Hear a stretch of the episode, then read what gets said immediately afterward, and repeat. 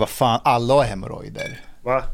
Ja. Det har de inte alls. Jo, men, Är det något du har tutat i nej för? men alla har hemorrojder. Det är bara det att... Latent.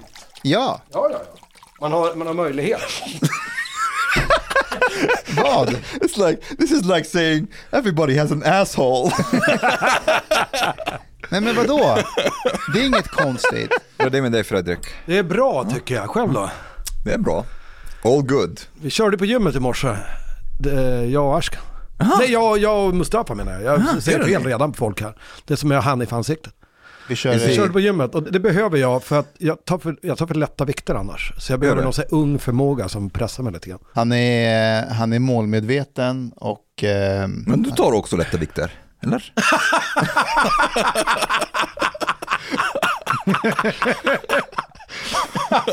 alltså jag tar ju Jag inte, skulle aldrig ha sagt så, jag fattar att jag Ja, öppnade för ja. smashen liksom. Nej, men jag tar ju inte tunga vikter. Men, ja, det men, betyder lätta vikter. Den är Jag inte lång men den är lagom. smal. Som man säger. Okej. men känner du av? Ja, latsen känner jag rätt bra. Vad, vad körde ni? Eh, lats, biceps. Lats and biceps. Väl? Ja, rygg och biceps. Hur firar ni kungens födelsedag? Fyller han år idag? Mm. Vänta, är det valborg nu? Nej. Karl den XII. Nej men det är hans Aha. dödsdag idag. Ja, var det idag han dog? Ja, han blev Aha. skjuten. Ja, just det. Tvärtom kan man säga. Hur gammal var han? Han föddes, ska vi se här nu om jag kan min historia, för han var ju bara 15 när han blev kung och det var Just det. 1697, så han måste ha fått eh, 1682 då. Where, where do you stand on the whole han- monarchy thing? Nej men vänta. Ja men 36 var han när han dog. Måste han ha varit då. Ja, och hur gammal, hur gammal är man då? 36. 36? Ja, okej, Ja. så att han var 30. Ja. Är, det, är det Karl XII som är Mattias Karlssons favorit? Exakt. Eh, ja, men det brukar vara Jomshof och det där gänget. Det är Karl XII man träffades för att prata om. Det, Varför? det är en grej i Sverige, 30 november. Okej. På, på 90-talet i alla fall, jag tror inte det finns längre, så gick nazisterna en marsch i stan och firade Karl XII. Så 30 november var det mycket slagsmål mellan nazister och invandrare. Det, det, Really? det, va- varför, är det, varför är han favoritkungen? Nej men han, han eh, krigade ju hela tiden. Han var ute i krig från att han var 17 tills att han dog när han var 36. Och så han har ju ner- nere i Turkiet och ställa till med bekymmer där och sådär. Så att, eh, och så vann han ju ett av Sveriges största slag genom tiderna i Narva 1700. Så han, nej, han var ju en krigarkung. Ja, ja. Och det alltså, brukar ju var- folk tycka är lite coolt. Men, men coolast av alla svenska kungar, om man ska se det så, är väl Gustav II Adolf. För man ser till antalet vinster och sådär. Men han var inte riktigt lika, alltså Karl XII är ju en spännande person om man läser på om hans person. Var det han som inte ville att man skulle måla honom majestest, majest, vad säger, majestästiskt? Karl XII? Ja, han ville inte, du vet kungar på den tiden, de, skulle ju målas eh, liksom så att det inte stämde överens med verkligheten alltid. Han, vill, han ville Ja. sitta på en häst och det skulle vara verklig miljö i bakgrunden. För han ville vara ett av folket på något sätt, en av folket. Förmodligen därför. Han, han var ju också ganska ovanlig för att i slutet på 1600-talet, början av 1700-talet i Europa hade de de här märkliga perukerna Just det. i hoven. Och han hade ju aldrig peruk. Eh, trots att han var från den tiden då. Så att, Exakt. eh, eh, han var ute och slogs. gay, eller? Va? He thought it was gay. Alltså det intressanta med hans sexliv är att han, han var ju aldrig gift heller. Utan han lovade sin syrra, Han kanske- nu, jag, nu är det länge sedan jag läste det här, men han lovade sin syrra att han skulle gifta sig innan han blev 30. Med syrran. Nej, det var inte Targaryen. det var vanliga enkla Vasaätten. Nej, nej, utan han skulle gifta sig innan 30 och så eh, blev det inte så. Och så kom han hem efter något krig, bara stannade till i Stockholm innan han skulle slåss med någon ny, vilket han gjorde hela tiden. Och så sa han, att det får bli innan 40 istället. Och så blev han skjuten när han var 36 då. Aha. It's always a bit suspicious when like a king does not take a wife or, or something like that. It's like, okay, there's something there. Det är gay warn- warning. I Sverige är det inte alls, vi har inte så mycket stor vikt vid när statsministern inte är gift eller har barn eller, eller skiljer sig för den delen, eller hur? Det, det är någonting vi inte verkar bry oss om. Nej, men det har väl varit en europeisk trend att inte ha barn. Angela Merkel, inga Ja, barn. Det. Vad heter Frankrikes nu? Macron. Macron, inga barn heller. Han like, han är gift med en he's married with, 20 år äh, äldre kvinna. Alltså, va? Eller 18 vet like Vet like ni vem hon var? Nej. Det var Oh, hans- teacher, right? Ja, det var hans lärare på, shit. på, på gymnasiet. It's like reverse Ja, me too. nice. Ja, det är väldigt franskt i alla fall, Ja. tycker jag. But Alltså, where do you stand on säger the whole monarchy thing? I Sverige? Ja. Det är fint. Det är fint. Fint. Men det kostar för mycket pengar. Ja, fast de ger mig också tillbaka mycket pengar. Gör Gör de de? det? Ja, Hur då? men det gör de. Vi säger så. Nej men jag, jag har ju alltid varit, så jag är ju uppväxt i, i Umeå. Och det är ju en väldigt röd stad. Och jag var ju medlem i SSU fram till jag var 18. Och så. Var du? Ja, ja, herregud. eh, det, var, det var det man var. Om man inte var med i kommunistiska... Men var det där du hängde på SSU också? Ja, ja. I kontoret Åh. på, om det ligger på Storgatan eller Skolgatan. Det är ju stort sett bara två raka gator i Umeå där allting ligger. Vilket årtionde är det här? Eh, Det här är tidigt 90-tal. Okej, hur, Så- var, hur var SSU då? Vad var det för aura, stämning?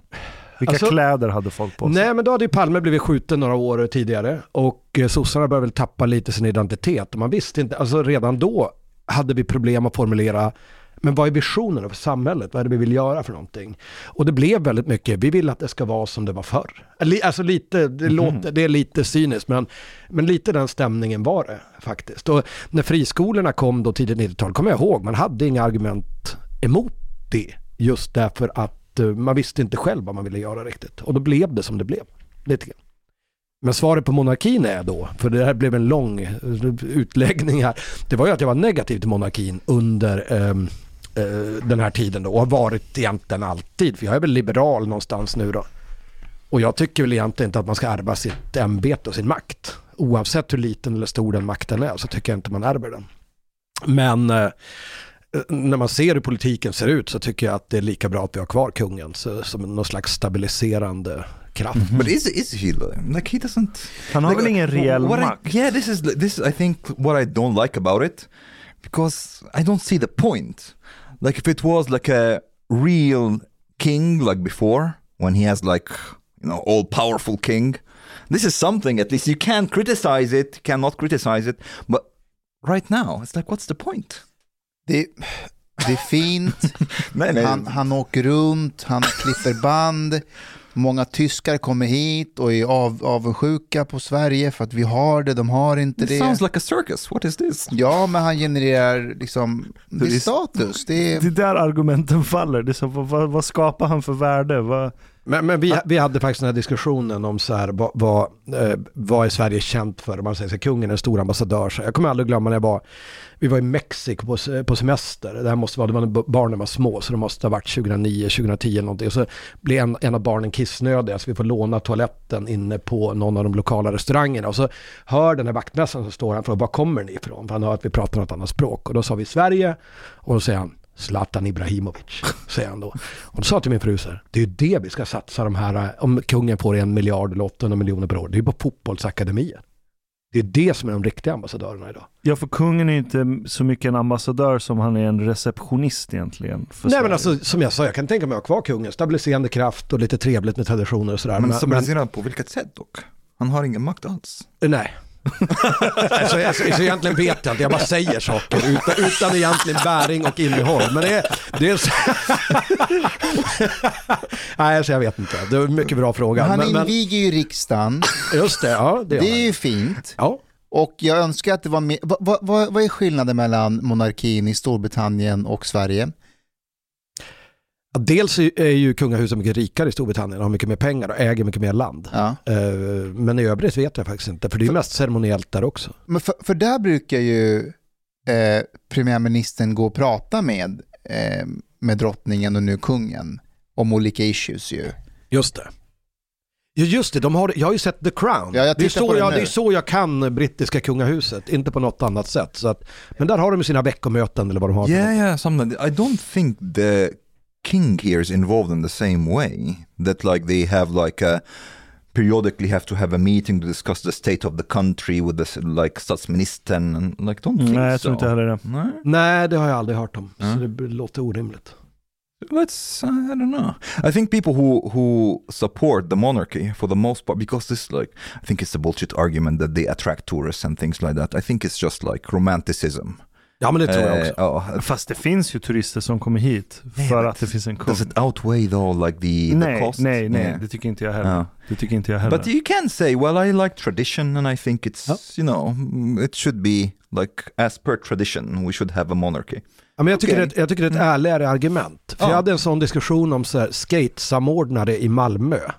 Och det diskuterade med en kommunalpolitiker på Twitter. Jag har ju slutat med sådana diskussioner nu, de leder ju aldrig någon vart. Och då sa han att vi går plus på vår skatesamordnare. Och då sa jag att det är mycket möjligt att man kan gå plus på saker, men då måste man ju fråga sig vad ska en kommun göra? Vänta, vad är en skatesamordnare för En skatesamordnare, i alla fall i Malmö, om jag förstod det här rätt, nu kan jag vara ute på djupt vatten, men det är någon som anordnar skate-events och eh, ser till så att man har skateparker och sånt i Malmö. Så det är en politisk tillsatt position? Skatesamordnare. Det var det i alla fall då. Och jag reagerar. Men sen blir det alltid så här, folk blir alltid så här, men det kostar ju nästan ingenting. Men så lägger man ihop alla saker som nästan inte kostar någonting, så kostar det faktiskt ganska mycket till slut. Det är det som är problemet med alla de här sakerna som knappt kostar någonting. Är du förkyld din jävel? Ja, jag är lite förkyld faktiskt. Jag Han har skyller ändå på tagit min samhället. plats. Varför lät ni honom ta min... Vad är det för luffare som har tagit min plats? Ja, de sa att det här var den bästa stolen, så jag bara satte mig. Du vet, du, Du vet att varje gång jag har varit så här halvt sketit ner mig utan att säga något till dem så brukar sitta där så får du en fläck i baken så vet du. Är det här sköldpaddshuvudena impregnerad. kommer fram alltså? Det är det de gör. Guys, I have a question. Is SL, it's a private company? Nej, SL är statligt va? Nej, När kommunalt SLAB. ägs av Sto- Stockholms lokaltrafik står SL för. Okay, so it's like, uh, oh, Men de har underleverantörer som är... Driften sköts av någon annan. Kan, är det ett franskt bolag nu? Det brukar vara Man det. är inte ett ju det. kinesiskt? Det är kanske ett kinesiskt bolag. Ja. Man tar det till lägstbjudande. Det är därför det går som det går i den här stan. okay. Well, I, I always like when I'm passing, like when I'm taking um, tunnelbanan, I'm like, I wonder what are these like. This person was supposedly working there. They have no function now. what, are they like? He sits there all day, and I'm like thinking, he can just like fire or let go of all these people. Är det They're- de med gula västarna som No, går no, nej, in? nej, han som Look, sitter i båset. Yes, the, the, it's like he and even Ja, de like skiter ju om någon när plankar. folk, ja, exakt, när Ja, folk ja. plankar, när de har inga makt, de Alltså, gör om ingenting. Men det, är, men det är fint. Det är tradition det är som en stabiliserande Om kraft. du hittar, Och traditioner. om du hittar en lugn station, inte T-centralen, men en lugn station och sitter i båset, du skulle kunna plugga, Mm. lyssna på podcast, alltså du har i princip ingenting att göra. Jag kan Exakt. berätta en historia. But, yeah, men, men vänta. Uh, and I met like recently somebody who's working at SL, and he's like, uh, he he was like driving uh, the trains before, but right right now he's like has an office administrative job, and I was I asked him like, what do you do? And he told me like I just sit and watch Netflix all day, and I'm not thinking there is any like e- extreme amount of waste of money there, and right now somebody posted they don't seem to want to work. SL avgången är försenad på grund av förseningar. it's, like, it's like we don't want to, we don't want to work.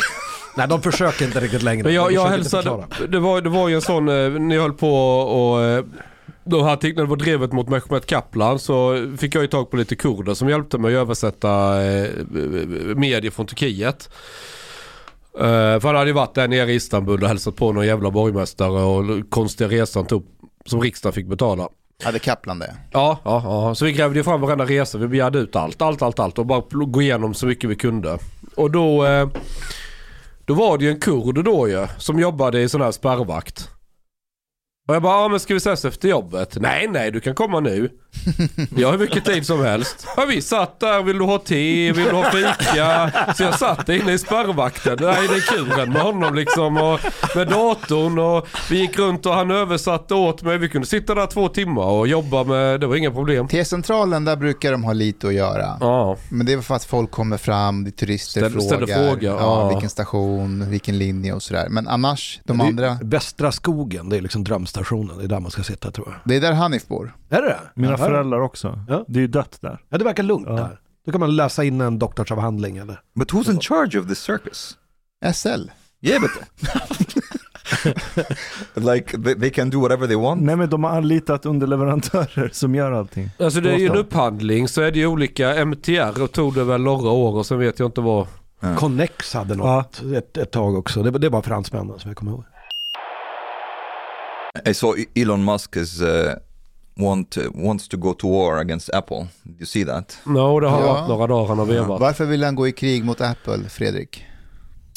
Ja, men det finns ju en allmän eh, upprorsstämning bland alla digitala, alltså alla som säljer saker via digitala plattformar och det inkluderar ju Eh, alltså, vi, eh, eh, våra spel säljs ju till exempel via Steam och Microsoft och Sony. Så den här splitten i intäkter på 70-30 i förmån då för contentleverantören är en kvarleva från 70-talet. När Warner Brothers levererade film eh, till folk. Eh, och då fick man behålla 30, eh, 70% av nettot då, exklusive distributionskostnader. Så det tog de bara rakt av. Men digital distribution kostar ju inte på samma sätt som en fysisk distribution kommer att göra. Så de behöll bara det och det här är ju folk lite, lite snea över nu då. Och nu har det startats en massa lawsuits och Elon Musk verkar vilja gå i spetsen för en. Eh, Men det är massor med så här class action group lawsuits som håller på att formeras just nu mot de här olika bolagen. I think that the thing that triggered him is that Apple seemed to be pulling advertising from Twitter. Then he, this is how he started. He is like, Apple is pulling advertising from Twitter. What's up, Tim Cook? Well, what's going on? Tim Cook doesn't didn't reply, of course. And he's like, by the way, why is Apple taking 30%? Jag älskar Men eh, det. hur mycket betalar du till Steam då? Ja, vi betalar ju det det kostar att vara där. Vi har ju liksom inga reapriser. Du, du, Tyvärr. Du, du, du, du har ingen procentsats du vill uppge? Nej, men de har ju en 70-30 rakt av och går man över Steam viss- också? Ja, och går man över vissa, vissa försäljningsnivåer så får man 25% och sen... Men om du ringer till dem och frågar om sista pris kompis? Ja, alltså det... Han är ju jänkare. Som Jaha, det funkar inte. Nej, de, de är väldigt kontraktsdrivna. Men vad händer om ni släpper spelen själva? Ja, det kan man göra. Men problem, problemet online är ju alla betalmetoder och system och valutor i olika länder. Så att till slut blir de med 30% ganska liten då. Alltså det är Ja. värt det. Och sen så är det ju, de hade ju nu nytt spelarrekord på Steam på 32 miljoner samtidiga spelare Shit. på plattformen. Så det är klart att det är där PC-spelare befinner sig. Så det är där man måste vara. Det är fan fler människor än i många länder. Ja, jo, det är ett mellan, mellanstort europeiskt land. Liksom. Sick. Så, men nej men sen kan man göra som Marcus Persson med Minecraft, bara släppa det på sin egen sajt och sälja flera miljoner där. Men, men det är ju en på miljoner som lyckas med det. Så att, eh, men gör man det, då, då blir det fest. Men ni har ju jättestor fanbase. Du, E- Europa Universalis, Crusader Kings. ja, vi har nästan, ja, nästan 6 miljoner månadsspelare har vi. De lär ju följa med. Ja, kanske. Eller kanske inte. Vi vet inte det. Alltså, vi har inte riktigt eh, grävt djupare i det där. Men det är ju en väldig kostnad att sätta upp saker själv. Med distribution, serverhallar, allt Just sånt. just. Och det är inte riktigt vår kärnverksamhet heller. Så när, när man hör folk säga så här, ja men vi vill, vi vill kapa, eh, det har varit många diskussioner med folk kring Patreon till exempel, som också tar en katt. Och säger så här, ja men vi vill ha ett eget betalsystem. Ja, problemet är att det kostar väldigt mycket att utveckla och sen kostar det väldigt mycket att underhålla det också. Det är inte bara själva utvecklingskostnaden. Många gör ju felet att man, man räknar med sig, ja men så här mycket kostar projektet. Sen kostar det ju lika mycket att underhålla skiten sen när det är uppe och rullar. Ja. En mjukvara liksom. Så att, eh, ja, det är väl därför. Det är det tråkiga svaret tyvärr. Jag hade ju gärna sålt allting själv. Fredrik, hur mår den svenska spelbranschen? Den svenska spelbranschen mår väldigt bra. Varför Eh, mår den så bra? Den mår bra därför att det finns, det finns ju en rad olika skäl givetvis. Eh, Vissa svar är lite mer romantiska. Man vill säga att eh, vi, en, vi har en ingenjörs och berättartradition som går långt tillbaka, hela vägen tillbaka till vikingatiden och innan den. Mm, det vill man ju säga, för det låter mycket härligare att säga så. Jag skulle säga så här. Sverige är ett oerhört, oer- oerhört amerikaniserat land och har varit det sedan eh, mitten av 70-talet. Och ett av skälen var förmodligen att Sveriges Television kunde köpa in billiga produktioner från USA. Så hälften av alla program på 80-talet som visades på de två tv-kanaler vi hade var ju amerikanska serier, så man Va? växte upp med det. Vilka var det? Dallas. Gi- Gick det på public service? Jajamensan, Ja, Dallas, herregud. Dynastin, Falcon Crest, Fan, det kollar mina Och- och så föräldrar familjen på. Falcon McKay. Crest. Huset på prärien gick Ja. väl också? Lilla huset på Var det prärien. också SVT? Jag trodde alltid Jajamän. jag gick på Ja, men det- TV3. Du Ashkan, det fanns inga andra kanaler. Så om det gick på tv antar jag att det var SVT. Huset Allt på, annat var Huset på. Prime gick på TV3. Men den här... Ja men det var andra omgången det Ja. gick. För att första omgången, du vet innan 1988 fanns det inga tv-kanaler på svenska som inte var public service. Det var SVT1 och SVT2. Det var det utbud vi hade. Och om man tittade på den ena kanalen och så visste man att det började ett annat program man ville se. Då kom det en liten vit blinkande triangel i Ja, hörnet jag som visade så här, nu börjar det programmet på andra kanalen. och sen så här, jag, jag, när man inser att man börjar bli gammal, man har ju olika liksom stadier i livet, så, så inser man att nu är jag gammal gubbe. Det var, jag satt i ett möte och alla är väl så här 10-15 år yngre än vad jag är. Och så säger jag, det här blev lite veckans pausfågel, sa jag. Och så alla tittade på mig och sa, va? Nu ska jag berätta för er vad veckans pausfågel var för någonting. Det var nämligen så här att hade man fem minuter mellan program på SVT på 70 80-talet då visade de en klocka som tickade ner mot ditt program. Och sen hade de veckans pausfågel. Det var som en fågel som sjöng i bak ett fågelljud och så stod det veckans pausfågel är kungsfågeln. det var... och ni tror att jag driver och ni, ni ska gå in på YouTube och, och bara, bara söka på veckans pausfågel. Det är fantastiskt. Och det var ju på den tiden så länge sedan att public service faktiskt försökte vara utbildande på den här tiden. Det var helt fantastiskt. Det enda tecknade som gick det var anslagstavlan, så det satt man och kollade Den på. gick när jag var liten också. Fastän det var trafikinformation. men- Linus på linjen var väl det va? Ja, det var ju någon tjeckisk serie. Den var ju grym, men den var ju bara två minuter långa avsnitt eller någonting. Men det var gulligt att kanal 1 hade ett nyhetsprogram och kanal 2 hade ett annat nyhetsprogram. Som att det är så här mediafrihet. Ja, Rapport och Aktuellt var ju Ja. de två. Ja. De, de lever ju kvar väl? And totally opposite ja, news. Ja, det lever kvar. Nej, det var samma nyheter. Det var samma varsin ställning i frågorna. Jag tittar ju på, varje morgon när jag går upp så sätter jag på Aktuellt och sen Rapport efteråt. Nu. Aktuell rapport ja. Nej, Ja, var det därför den hette så? Porrtidning? Jag vet inte. Ja. Eh, men, men du Fredrik, eh, eh, svenska spelbranschen. Ja, förlåt, jag Ja. devierar här. Ja, okej, du sa att vi blev amerikaniserade på 70 Okej, sen Ja, då? det, det var det. Den här långa, långa, raljanta berättelsen skulle komma till det. Att vi är väldigt amerikaniserade, vi pratar väldigt bra engelska. Vi har generellt, eller har haft i alla fall, hög utbildning.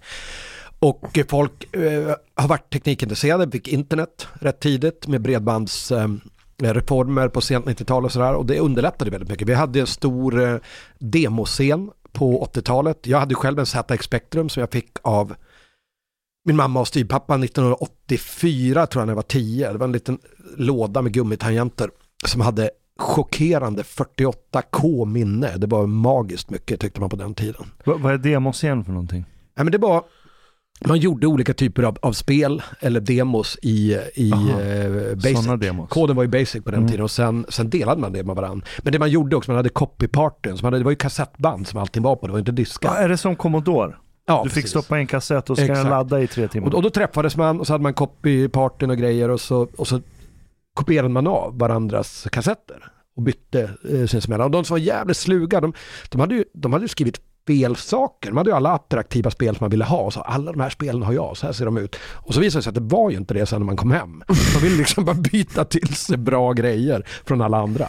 Men det, det, var ju, det lärde jag mig först senare, att det, att det var så det funkar. Men eh, så att alla spelen spreds på det sättet. Så att eh, man hade ju väldigt mycket tillgång till spel. Och Sen så har vi diskuterat så här, den, de äldsta vd i vår bransch, i spelbranschen, är födda 1973 ungefär. Jag är född 1974 själv.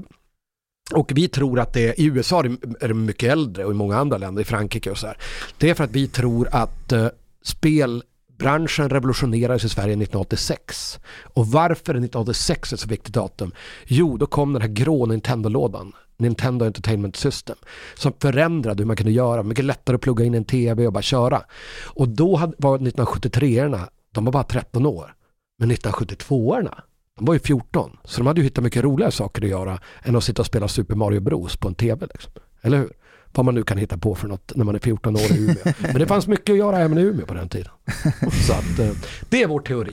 Okej. Men branschen har några tusen anställda, så bara runt det här kvarteret där vi sitter nu, om vi går några kvarter runt om här så är det ju några tusen anställda. DICE sitter ju här och är väl 500-600 säkert, kanske mer. Vi är ju 350 här. Mojang sitter här. But is, is the US is still at the forefront? Ja, USA och Japan är störst och Frankrike är stora. Japan is still like some Ja. people are saying that they are lagging behind when it comes to technology.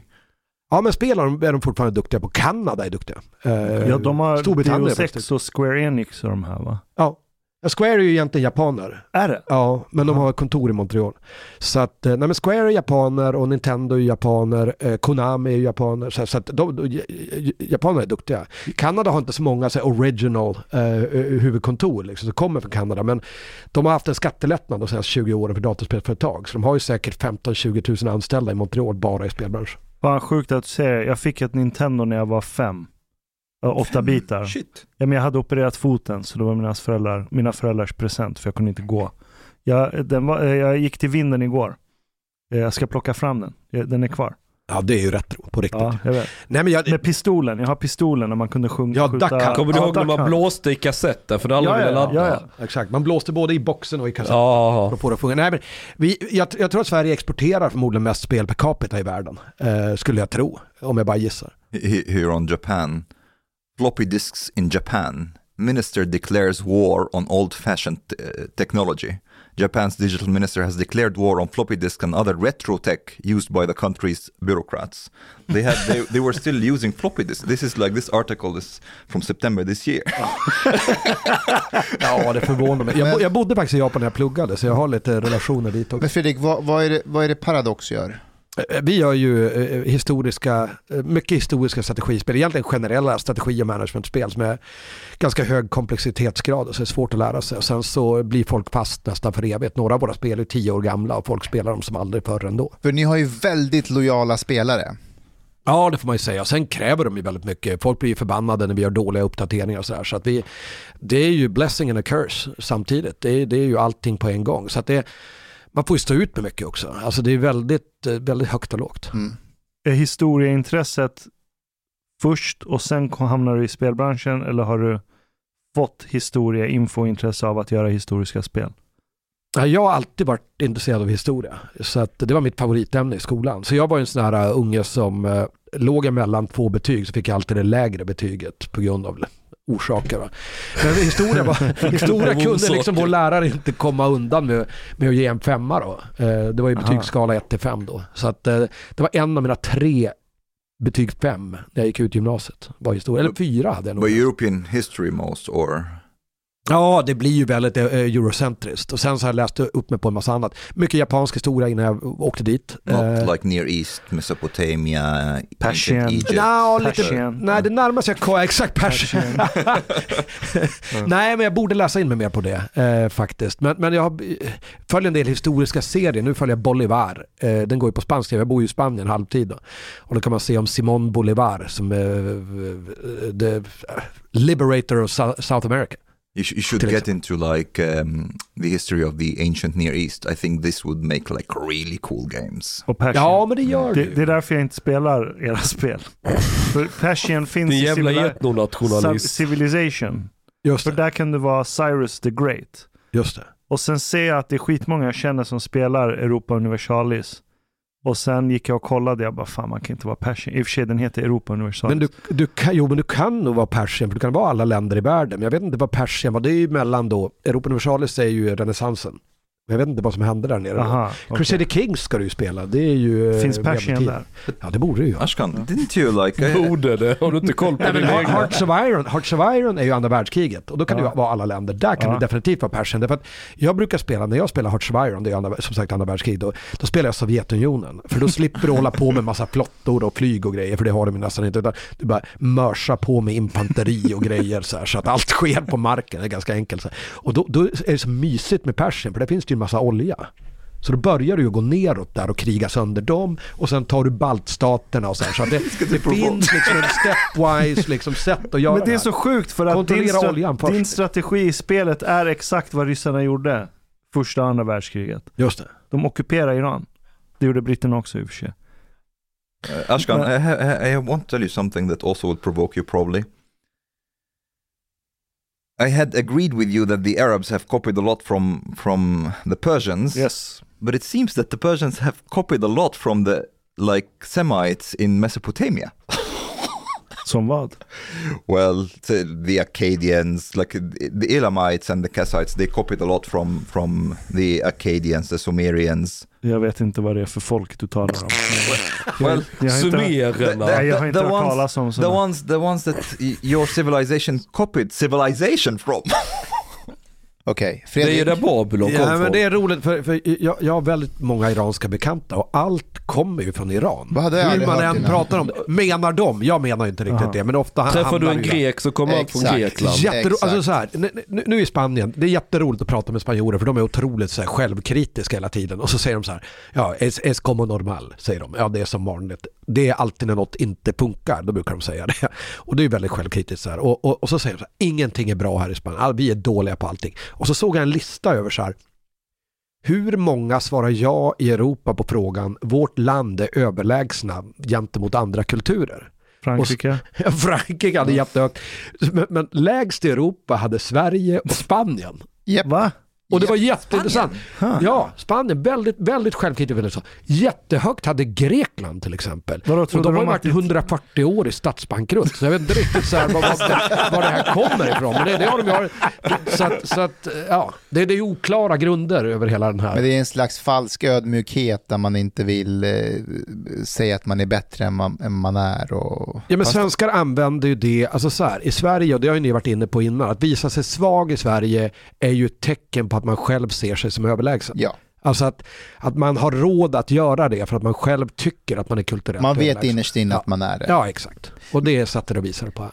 Men du Fredrik, vad gjorde du innan Paradox? Eh, vi hade ett konsultbolag, jag och några eh, bekanta. Eh, vi hjälpte olika bolag med olika typer av processer. Det var ju lite internets, inte barndom, för det här var ju 99 till 2003, så det var ju, internet började utvecklas på riktigt bland bolag. Så, här. så vi frågade runt lite grann, vad har ni problem med just nu? Och då var det så här, inkommande e-post. Ja men bra, det kan ju vi. Det är ju passar ju utmärkt. Så då, då, då jobbade vi. Vadå inkommande e-post? Support. E- Alltså man hade bara haft telefonsupport på bolag. Och så helt plötsligt dök det upp en massa e-mail till folk. Info at. Sådär. Aha. Så folk hade problem med att liksom, hur ska vi svara på det här och hur ska vi... eh, What is this email thing? Exakt, ja men det var väldigt mycket, väldigt mycket så mellanålder, eller medelålders mellanchefer som inte hade någon aning om vad de ska göra. Och då stod vi där, ett gäng glada 25-åringar med bra idéer. Liksom. Var ni stora? Nej, vi var som mest 8-9 pers tror jag. Aha. Men sen kom då, när 9-11 slog till, så då dog hela konsultmarknaden.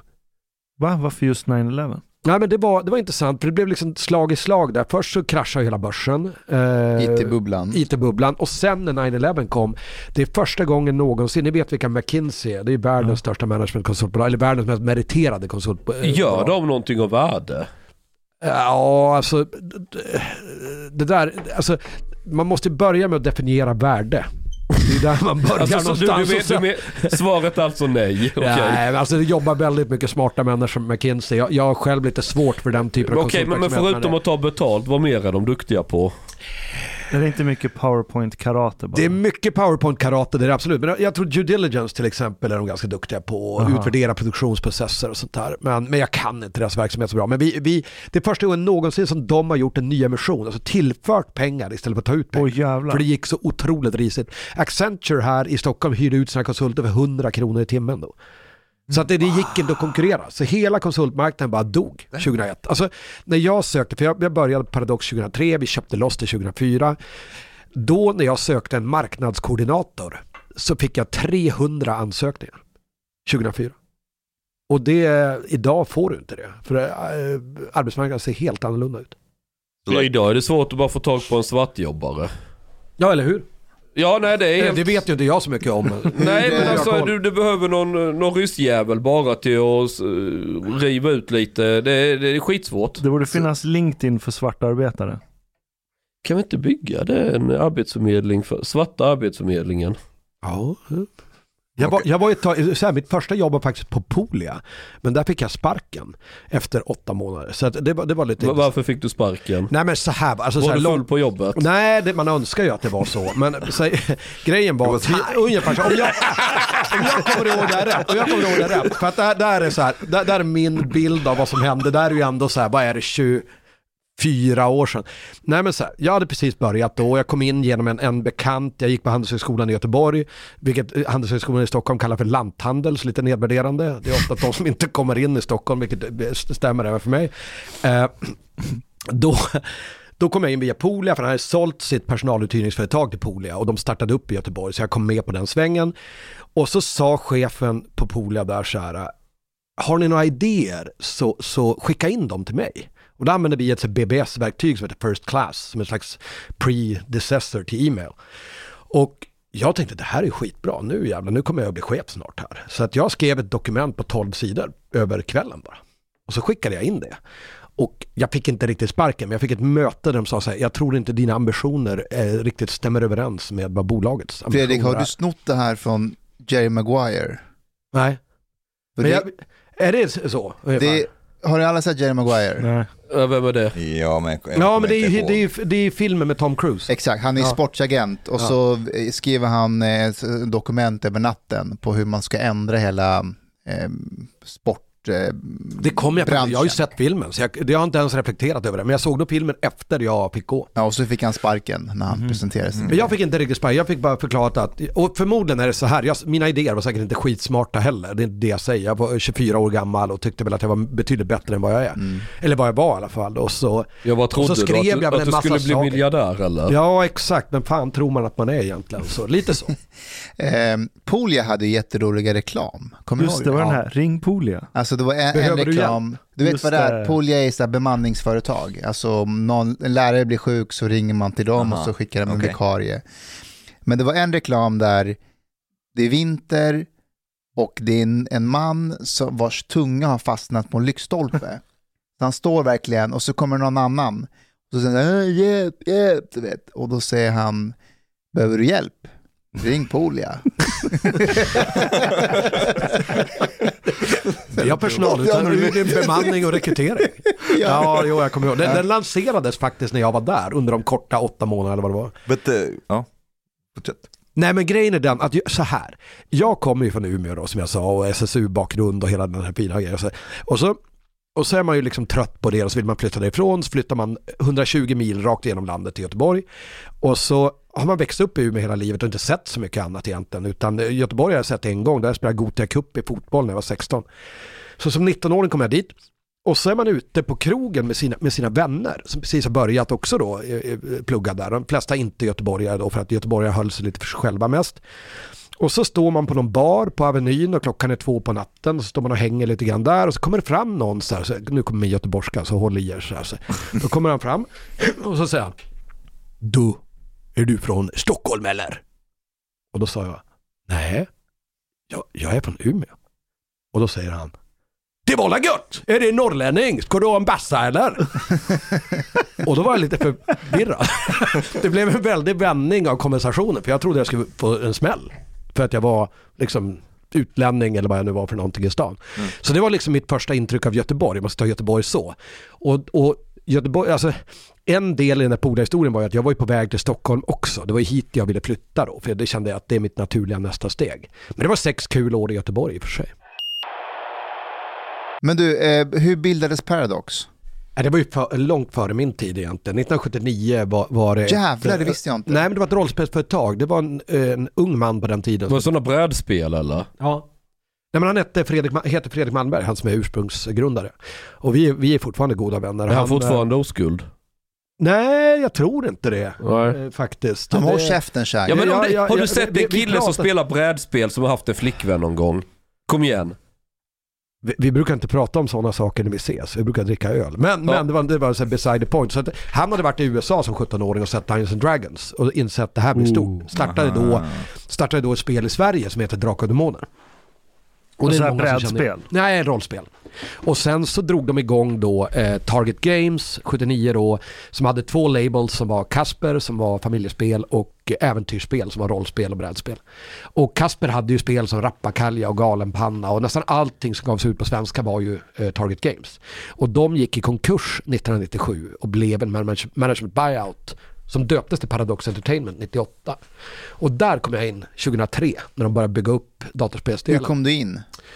Det var att vi var ett gäng vänner från Umeå som eh, hade tråkigt på jobbet. Jag var ju konsult och det är ett ganska tråkigt jobb. Så att vi bestämde oss för att, eller så här, de hade redan format ett gäng som skulle ge ut ett, brä, ett rollspel som heter Mutant på nytt. Gammalt 80-talsrollspel. Like mutant. Ja, Mutant. Mm. Men det, det var en, en svensk, eh, egentligen en svensk kopia på ett, på ett amerikanskt spel som jag glömt bort namnet på, men det kommer säkert upp snart. Eh, eh, och då frågade de mig om jag ville vara med på det, så vi gav ut det och vi licensierade rätten till det här spelet av Paradox Entertainment. Så på ett möte med Fredrik Malmberg då, då sitter jag och förklarar vår brandingstrategi för ett rollspel. Så sa han, vilket slöseri det är att du sitter med de här grejerna. Ska du inte komma och jobba hos oss istället? Och driva de här datorspelsdelarna. Och nu finns inte Hearts of Iron, Crusader Kings. Hearts of Iron fanns och Europa Universalis fanns. Ja, de fanns redan Ja, då. de, de två hade getts ut i ganska buggiga första versioner. Eh, Men och då sa jag, efter ett halvår var det så här, "Ja, men vet du vad, vi, vi provar. Så i augusti 2003, första augusti 2003 så gick jag in genom portarna där. Och eh, ett år senare så ville de bli av med datorspelsdelen. Eh, och eh, då var vi ett gäng som fick ta över det. Då var inte jag huvudägare riktigt utan då var jag second in command och näst största ägare. Och sen så köpte jag ut den andra ägaren i omgångar tillsammans med Spiltan Investment bland annat. Och blev vd 2009 och drivit det sedan dess. Is it like a public, publicly traded eller? Nu är vi det. Vi, vi börsnoterade bolaget 2016 och ja, det, det har varit en väldigt kul resa. So, so if we got you to smoke a joint now and then do an Elon Musk, the shares will... Uh, Ja, shares will drop. Vad är det han säger? Han säger det. I will, sell, I will, I will sell Tesla at 420. Var det det han sa? Och så blev det ett jävla liv och så kunde han inte vara kvar som styrelseordförande. På, grund- av att SEC i USA hade synpunkter på att man kommenterar börspriser. Nej, precis. Nej, men jag, jag brukar inte kommentera vårt börsvärde eller, eller våra, vårat aktiepris. Men på tal om det, i och med att de här spelen, speciellt Crusader Kings, Hearts of Iron, Europa Universalis, att de är så historiskt accurate. För ni, ni, ni har ju med varenda detalj. Har ni fått skit för vissa saker som ni tar med som är historiska men i nutid har blivit plötsligt jättekänsligt och kontroversiellt om man vill skriva om historien? Har ni fått Ja. skit för sånt? Eh, ja, ganska mycket sånt faktiskt. Det, vi gjorde ett skämt en gång och sa så här, nu Europa Universalis med korrekta gränser i Balkan, skrev vi. Och tyckte att det var ganska kul. Vi tyckte att det var jättekul. Så här, ett gäng så här, svenskar som sitter på, i high-tech building nere i centrala Stockholm. Så här. Och det blev ett jävla liv alltså. Och, Men så här, det är lite gratis PR? Ja, herregud. Nej, men vi, vi har varit med om mycket. Vi har fått Men vilka är det som vår blev sura japanska på det? distributör. Har ni stor following Nej, men- i nej, men Jugoslavien så här, eller? Så här, va? Att, att alla har sin egen idé om hur det historiska Balkan såg ut. Och, och det, det finns liksom ingen korrekt bild riktigt. Om man, alltså, man kan inte fråga alla olika länder och säga så här, hur, hur ser era gränser ut? För då behöver territoriet vara 300% större i stort sett. Och, och, och då grundar vi våra grejer mycket på vad FN har sagt och sådär. Och någon slags historieskrivning som borde vara korrekt. Så det, det är ju, historia är ju ett laddat ämne fortfarande. Det är väldigt laddat. Och det, det ser man ju idag med Ryssland-Ukraina, Rysslands invasion av Ukraina, att det liksom blåser upp igen alla de historiska parallellerna. Till och med när det är fotboll blir det ju så här. Igår spelade ju Iran mot USA i fotboll. Bara det är ju stor politik. Liksom. Så att, Det är sjukt, iranierna hejar ju på USA. ja, jag såg det. Att det Vilka var det som hotade er med den här Balkangrejen?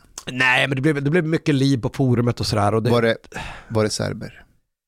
jag, jag tror att de är ganska duktiga allihopa på idéer om hur det ser ut där nere. Alltså så här, att alla länder har sin bild av... Kom det folk Men i det- Adidas-dresser och svarta Mercedesar och Jag tror inte skrek- de bryr sig om historia. om, om inte de, vem skulle annars bry sig om Balkan om inte folk från Balkan bryr sig? Slavoj Žižek, one of his like most famous videos, where he's trying to like, the title of the video, where is the Balkans? and he's trying to explain which countries should be considered Balkan and which not. Ja, han är från, han är tjeck. Slovenien. Slovenien. Han är Slovenien, precis. Nej, men det är ju laddat det där och det är lika alla de här gamla, framförallt om man ska sätta personality traits på ledare. Jag vet att kejsar Hirohito i Japan i Hearts of Iron 2 hade något lite ofördelaktigt trait och då fick våran japanska distributör mordhot av någon extrem nationalistisk grupp i Japan. Alltså där, det, så att de sa så här, kan ni ändra det här? Men vi har ju som policy då, vi ändrar ju ingenting i spelen. Utan är det där så är det där. För att om vi ändrar oss på grund av påtryckningar då kommer det aldrig att ta slut. Så att vi har alltid sagt att vi ändrar ingenting. Och därför är ju Hearts of Iron inte, det är förbjudet att spela i Kina. eh, Till exempel. Mm. Jaha, vad- Och det är för att Tibet är ett spelbart land i Hearts of Iron. Ah, vilket då man ska anse att det är. Eftersom det var ett självstyre där då under den här tiden, början av 1936. Så att, ja, och det har Kina velat ändra och vi har vägat konsekvent att göra det. Så att faktiskt Ministry of Culture i Kina skickade ut ett pressmeddelande att it, we threaten the unity of China and distorts the minds of young people. Och jag tyckte det var ganska bra achievement för ett Sounds- 20-mannabolag i Stockholm som vi var vid den tiden. Sounds Chinese slash Egyptian. But uh, speaking speaking of pressure, like uh, how much pressure there is on on um, the gaming industry from the woke movement? Ja, alltså så här, alla, om man pratar historia specifikt så det, har vi ju haft press hela tiden. Vi är ju vana vid att folk försöker påverka oss på olika sätt och skriva om olika saker och göra saker på, ja, tolka saker på ett annorlunda sätt. För den som äger vad ska man säga, det som äger historieskrivningen äger ju också väldigt mycket. Och där kanske vi tidigare i alla fall inte har tagit vår roll på så stort allvar. Det är en stor diskussion nu. Vi släppte ett spel som heter Victoria 3 nyligen och nu har det varit en stor debatt ifall kommunism som samhällssystem är overpowered i spelet. Att det är för lätt att spela kommunister. Och det är klart, det är väl någon som hävdar det. Alltså, jag, jag vet inte själv, för jag har inte, jag har inte spelat någon kommunistisk stat så jag får väl gå hem och göra det. Mm. Fredrik, du förklarade innan att, ehm, att spelbranschen är så bra som den är därför att vi blev amerikaniserade på 70-talet, vi är bra på engelska och så vidare. Borde inte svensk filmindustri vara lika bra då? Ja, jag var med i en, eh, när jag var ny i branschen och folk fortfarande hade förtroende att jag sa bra saker i paneldebatter så blev jag inbjuden när Leif Pagrotsky var kulturminister, det här var 2005. Och då skulle vi prata om den växande spelbranschen och hur man kunde göra det bättre. Och då satt vi, vi var tre eller fyra från branschen, varav jag var en och Pagrotsky var en annan. Han frågade så här, vad kan vi göra? Och de flesta var inne på, ja men vi är stöd av olika saker. Och jag sa att, jag tror det bästa ni kan göra är att hålla er borta och låta oss vara i fred bara. Och behöver vi någon skattelättnad så kanske det är där man ska gå. Men vi måste utgå från att vi gör spel som folk vill köpa. Vi kan inte ha någon slags statlig fond som finansierar oss. Eh, och jag tror att en av de stora problemen för filmbranschen, för att de har ju inga, den senaste internationella succén var ju Millennium egentligen. Och eh, Alltså amerikanska versionen. Nej men även, ja exakt. Nej men så här, jag tror att Millennium på svenska var den första film på svenska som gick upp på amerikanska biografer sedan Ingmar Bergman. What? Om det var Smultronstället eller något sånt där. Och det, då pratar vi ju 60-tal. Liksom. Så det, det, det är ett visst gap mellan att, att svenskar slår utomlands. Och att danskarna, norrmännen och snart även finnarna är bättre än oss på, på film är ju lite, lite tråkigt. Nu är de ju snart det på fotboll också, så jag vet Okej. inte vad vi har kvar. Men, men så här, jag, jag tror att det är ett problem när staten är med och finansierar. Därför vad du får då är inte folk som fokuserar på det kreativa och som fokuserar på att hitta en publik för det de gör. Utan de fokuserar på att hitta pengar som ofta finns hos staten. Och det gör också att man har inte byggt det finns inget, eh, vad ska man säga, det finns inget nätverk av människor i filmbranschen som har lika mycket pengar heller som folk i spelbranschen. För nu har ju några sålt. King, King såldes för 55 miljarder tror jag SEK. Och de fyra, fem, fyra grundare tror jag det är till King. De har ju mycket pengar och de har stoppat in massor med pengar i spelbranschen. För det är spel de kan, det är spel de förstår och det är där de kan hjälpa till. Och hela det nätverket, hela den eh, infrastrukturen saknas inom film. Så att eh, jag tror ju inte på att staten ska gå in och bestämma vem som ska få pengar i en kreativ industri. Jag tror inte det är en framgångsform. Men finns det utrymme? need, need it even? Ja, det var det jag tänkte fråga. Finns det utrymme för filmbranschen att bara säga nej men nu, nu räcker det. Nu vill vi stå på egna ben. Nej, men ett problem har ju varit också att folk söker sig från filmbranschen till spel idag. Ta Josef Fares till exempel, han är ett väldigt bra exempel. Han gjorde ju film innan. Gör, sitter nu på Hazelight Studios och är superframgångsrik. Och gör eh, eh, bra, eh, vad heter Brothers? Brothers. Ja, till exempel. Som jag har vunnit priser internationellt och är fantastiskt spel. Och publiceras av EA som är ett av världens största spelföretag. Så att det är klart, alltså att ser de att här kan jag inte göra det jag vill. Det är klart att har du en grannbransch där du också har en berättarteknik som påminner om film. Det är klart att du kommer dit istället. Eh, Jos Fares Fares, som är bror till Josef Fares, han, han har ju övergett Sverige mer eller mindre och är i Danmark. Pratar Mm. flytande danska. Denmark seem to be really have a good thing going. Ja, och har haft det under en längre tid. Men han sa att, eh, jag läste en intervju med honom i Coupé, jag åkte SJ, men då sa han att svensk film eh, är alldeles för PK och så sa han att varje karaktär, det är som att de går igenom någon slags tvätt. Alla går igenom samma tvättprogram. Och när de kommer ut så ser alla likadana ut. Alla upplevs likadana på film och på ser- i serien. Det finns ingen någon så här djup i dem. Och då, och då sa han, ja, då gör han hellre i Danmark. För där finns det utrymme för att utforska karaktärerna, eller storyn och manuset. Eh, det behöver inte vara, alla karaktärer är inte likadana. Är det inte för att alla har gått Dramaten här? då? När de ställer upp i film Ja, men det är inte bara det, det är inte bara det, det är också att när karaktärerna skrivs av, av en manusförfattare, precis som Aha. Chang säger, så måste det också godkännas av, Ah, okej, Alltså det, det är så mycket Ja. som måste det är så mycket politik som måste ligga rätt. Alltså, så här, det är väldigt trendkänsligt. Alltså, Filminstitutet är ju en förlängning av sosseriet, Svenska Filminstitutet. Jag var intervjuad av DN och de frågade mig bland en rad andra så här elaka högerprofiler om vad man nu med nya regeringen, vad vill vi se på kulturområdet? Så sa jag det att lägg ner Filminstitutet, att det är det bästa som kan hända svensk filmindustri, det är om den försvinner.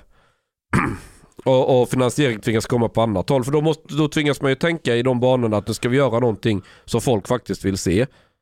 Alltså, jag Alltså, måste, det, det där är så Det har ju jävla... rasat antalet tittare som kollar på Jag svensk vet. produktion. Det har totalrasat. Det har, ingen, ingen går ju på bio längre. Nej, nej. Och visst, man kan säga att det har att göra med att man generellt inte går Skitsamma på bio. bio, skitsamma distributionsform. I, väldigt få tittar på svensk. När hade Netflix senast en svenskproducerad serie som någon pratade om? Cla- Clark. Snabba cash. Jag har inte Eh, sett någon av dem. men Ja, okej. men de, de är rätt bra. Men eh, du, vet- du vet den här tunna blå linjen, hela grejen. Eh, jag blev ju bjuden till Studio 1 för att prata om det. Och de var väldigt trevliga. Ehm, till och med, du vet, man läst min text och bara, ah, men vad tycker du, bla bla bla. Och när jag i slutet sa att, ja, alltså serien produceras ju av Region Skåne och Malmö stad, har fått 9 miljoner. Stämningen i rummet förändrades helt. Det var som att allt annat det jag sa innan, det var, men det är trevligt att du är här. They are suddenly fucking Afghans. Men när du påpekar något, alltså om du säger så här, alltså jag vet inte, det kanske behöver inte vara sant, men jag, men jag kan tro att, att om man som stad ger pengar till en filmproduktion, då kanske man har vissa krav på hur, hur din stad ska skildras. Det gick inte hem.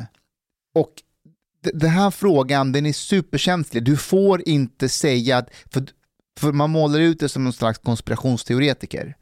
Jag bara säger, hej, jag vet inte om jag jobbar på Region Skåne, då vill jag att min, min, min stad skildras på ett schysst sätt. Men det är som när man säger att historieskrivarna äger makten. Det går alla med på i Sverige. Men att Region Skåne finansierar Tunna blå linjen och inte vill ha en del i hur det porträtteras där, då förnekar man det. Men det är ju samma sak. Nej men Men- det är klart man vill. Alltså när man stoppar in pengar i något som en tredjepartsaktör så vill man ju ha också del i det, eh, vad det kreativa är. Alltså om man inte är en ren investerare. Det enklaste, det enklaste att ta in är en riskkapitalist för de vet man vad de vill ha. De vill ha avkastning på sina pengar. Och de tänker inte bry sig om hur det kreativa ser ut. Så Exakt. det, det är Så ganska det enkelt. enda sättet är så här, jag, jag kan ha helt fel. De kanske inte har någonting med det att göra. Men enda sättet att man ska helt kunna slappna av det är att det kan inte vara statligt. Yeah, exactly. Because, because actually, unless it's explicit, like we have certain demands explicitly, it cannot be proven or disproven. Nej, men, det, men det är liksom självreglerat. Alltså så här, är det helt galet att anta att när manusförfattaren, regissören, de bakom när de går för att söka stöd hos Region Skåne, att det finns implicit något mellan raderna på hur de ska bete, de vet hur de ska lägga fram det här. Ja, Annars så är får- det. Men så- man ska inte prata högt om det Mustafa, det är Exakt. det som är misstaget. Så Region Skåne säger inte implicit till dem, eller explicit, så här vi vill ha det, och de säger inte heller, utan det bara, det bara är så. Man vet spelets regler How, how would it be if SD were in charge? eh, i Region Skåne. Eh, alltså det här är jätteintressant. Jag tror... Då kan man prata öppet om det, om, om det hade finansierats. Nej, det hade varit samma sak förutom att manusförfattarna hade tagit hänsyn till att det är SD som kommer bestämma om vi får pengar eller inte. Och det hade påverkat manuset. Klart det jag, hade tror, gjort. jag tror att SD hade gått med på att man skulle skildra Malmö mer autentiskt och nära verkligheten, visa klankriminalitet, gängkriminalitet, men så länge de kopplar det till, till sossarna, att det är sossarna som är ansvariga Ja. för det här, då är det okej. Even Men det är väl också en ganska objektiv verklighetsbeskrivning. Det är väl inte SD som importerat klanstrukturer? Visserligen ja, men det är fortfarande påverkan. Så du vill att SD ska styra i Region Verkligen, Skåne? jag vill inte att någon, jag vill att visst någon ska styra, men jag vill ha anarki. Anarchy. Men det är en grej jag tänker på. Du, du sa att eh, ja, men det här med woke och hur det påverkar och så sa du att nej, men vi är vana med det här. Så här har det alltid varit. Vi får kritik från Kina, Balkan, hit och dit. Har det blivit mer med så kallad woke eller har det varit någon period där ni fått stå ut med ännu mer? Nej, jag tycker inte det är mycket värre nu än vad det varit innan, det kan jag inte säga. Men jag tror att folk också känner till vad vi har för linje i hur vi gör.